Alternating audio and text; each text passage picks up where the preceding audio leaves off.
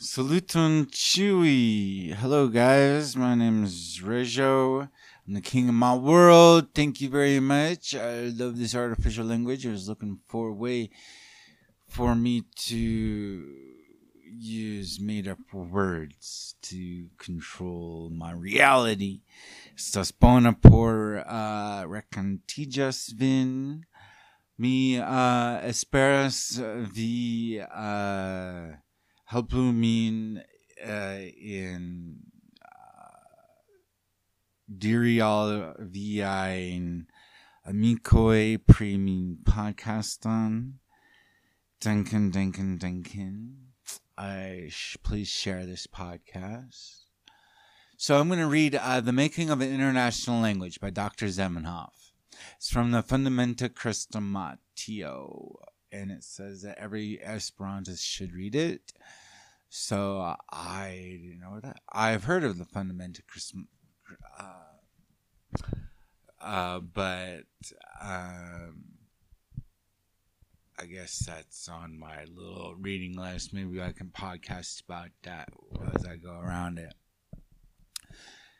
So, um, if the reader should take up this little work with an incredulous smile, supposing that he is about to peruse the impracticable schemes of some good citizen of Utopia, I would in the first place beg of him to lay aside all prejudice and treat seriously and critically the question brought before him. I need not here point out the considerable importance to humanity of an international language, a language unconditionally accepted by everyone, and the common property of the whole world.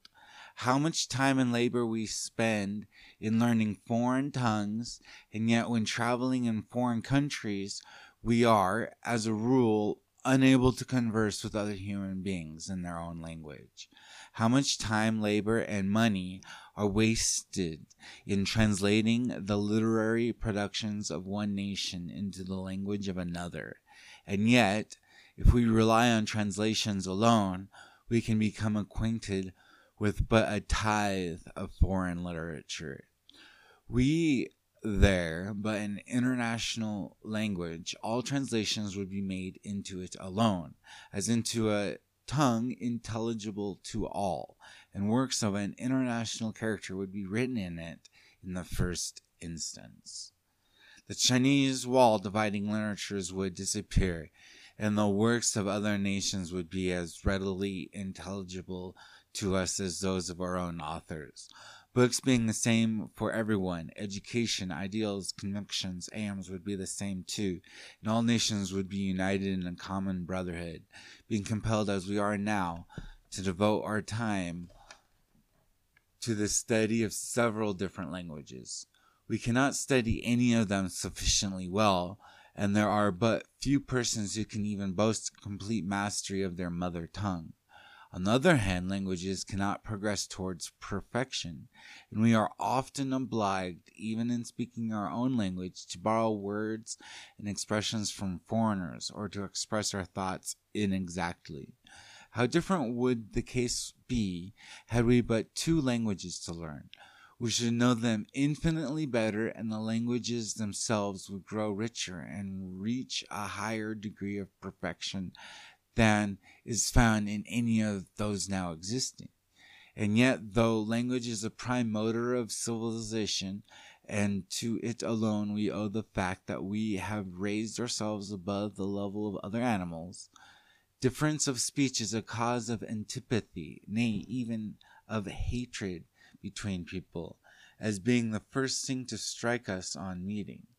Not being understood, we keep aloof, and the first notion that occurs to our mind is not to find out whether the others are of our own political opinions or whence their ancestors came from thousands of years ago, but to dislike the strange sound of their language.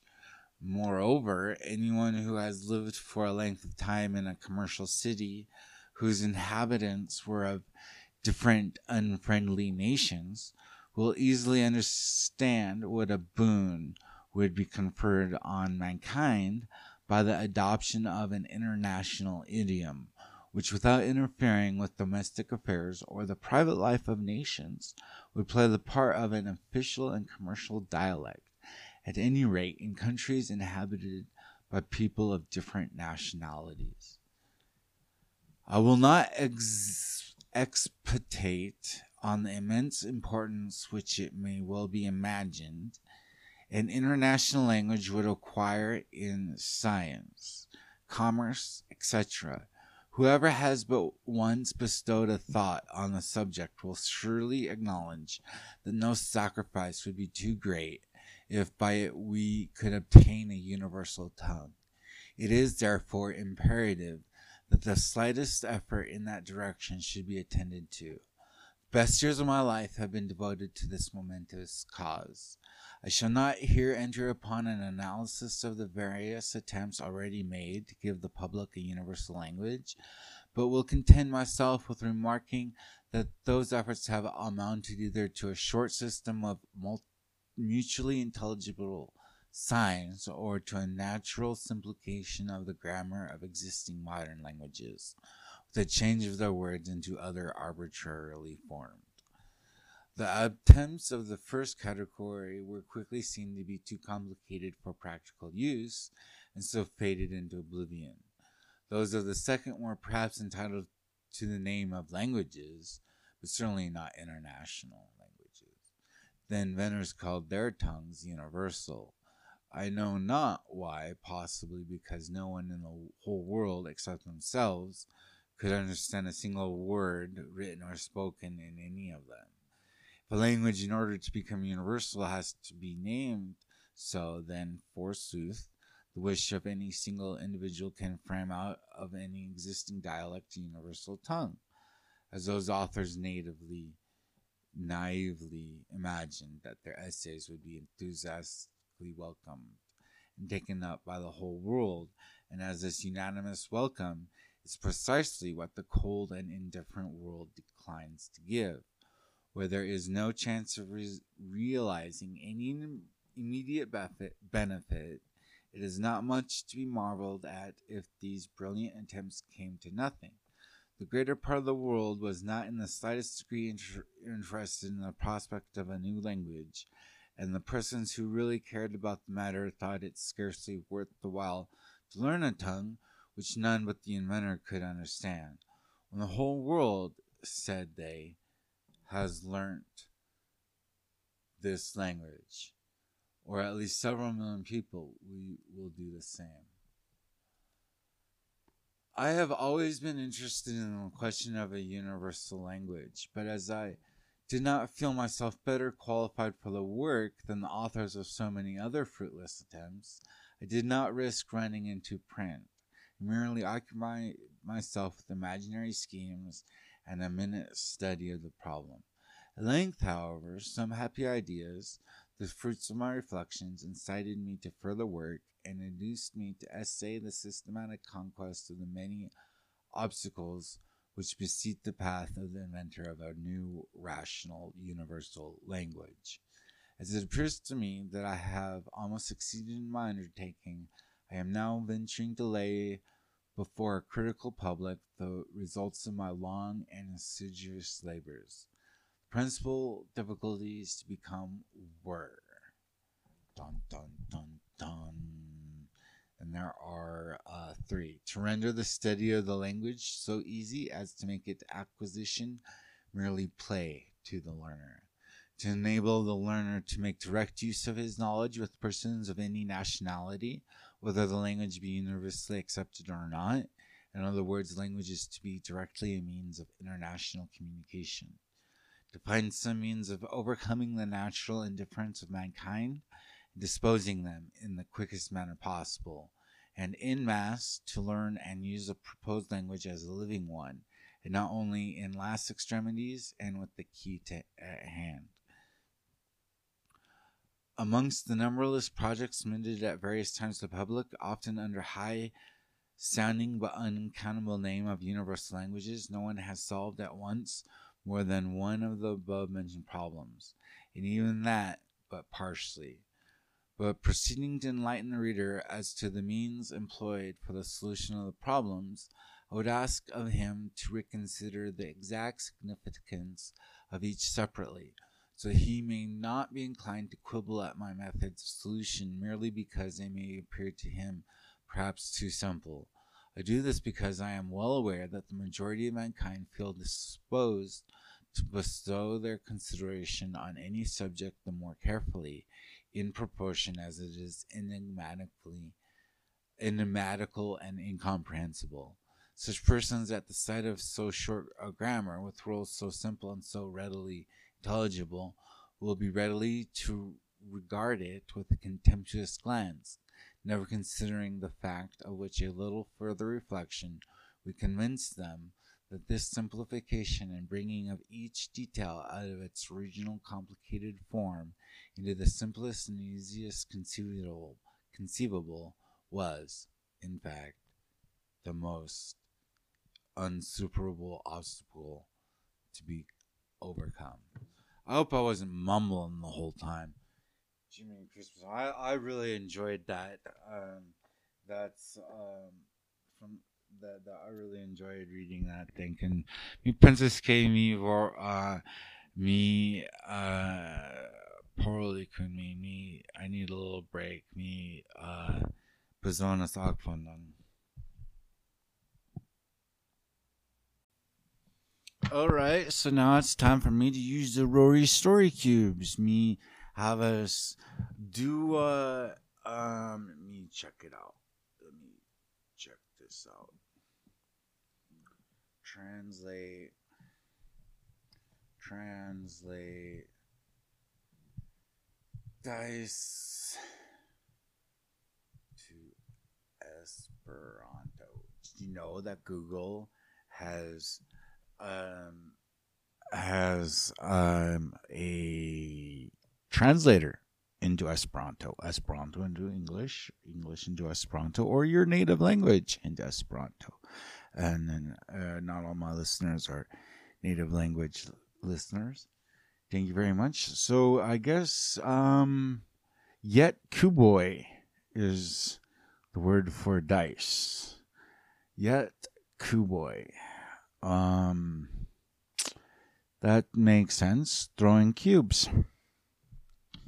So let me take my throwing cubes with pictures on them. Yet cuboi kun uh, uh, sur la bildoi kunjin um, um surgeon and practice. So I'm doing this. I like to go to. I used to go to meetings and stuff, and it's just there, there really is COVID real sporadic. And even before COVID, real sporadic kind of uh, study. I really enjoyed doing that three, four weeks in 2011, 2009, something like that in uh, Texas for the North America Samara Corso, Nordo America Samara Corso. That was fun. So NASC was cool. I wish to go again uh, if they have it. So, anyways, so I got some dice here. Let's see what kind of story I got. Uno Otago La Chifa de la Poliso. One day, the chief of police, diri la um, Tempon Orlajan, um, the, saw the clock. Hor, horo, Horlajan is clock. Let me make sure.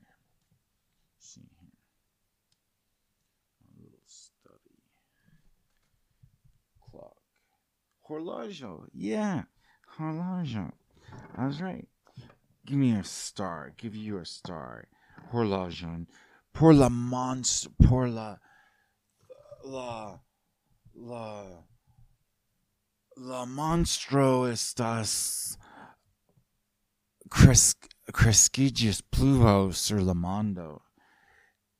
Estas ni chingillas um voyo la mon, monstro ne manjas nin. So the monster is going to eat us because it comes from the rain and something like that. Yeah, unless we make a right turn. And let's see here. South. I know it don't make sense, but I'm trying my best.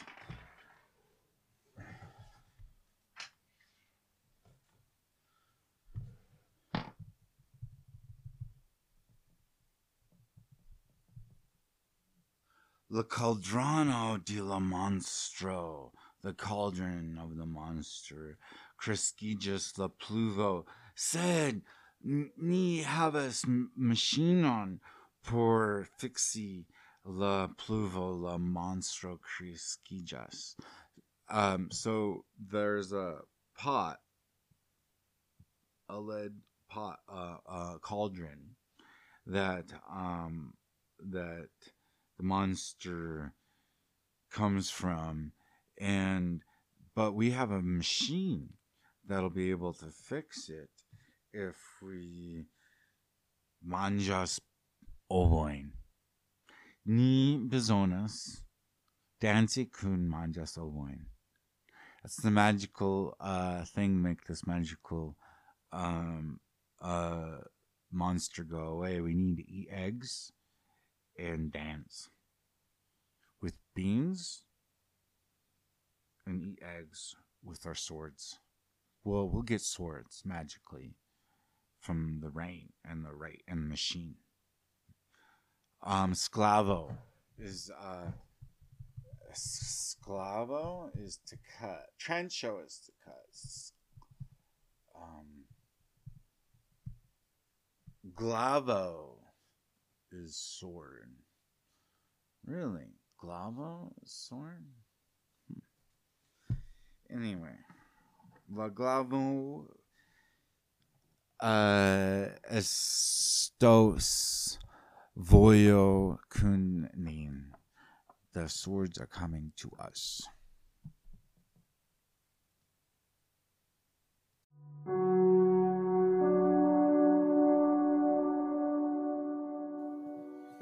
Mi uh, volas dankan por la familia mi havas. I'd like to say thank you to the family that I have.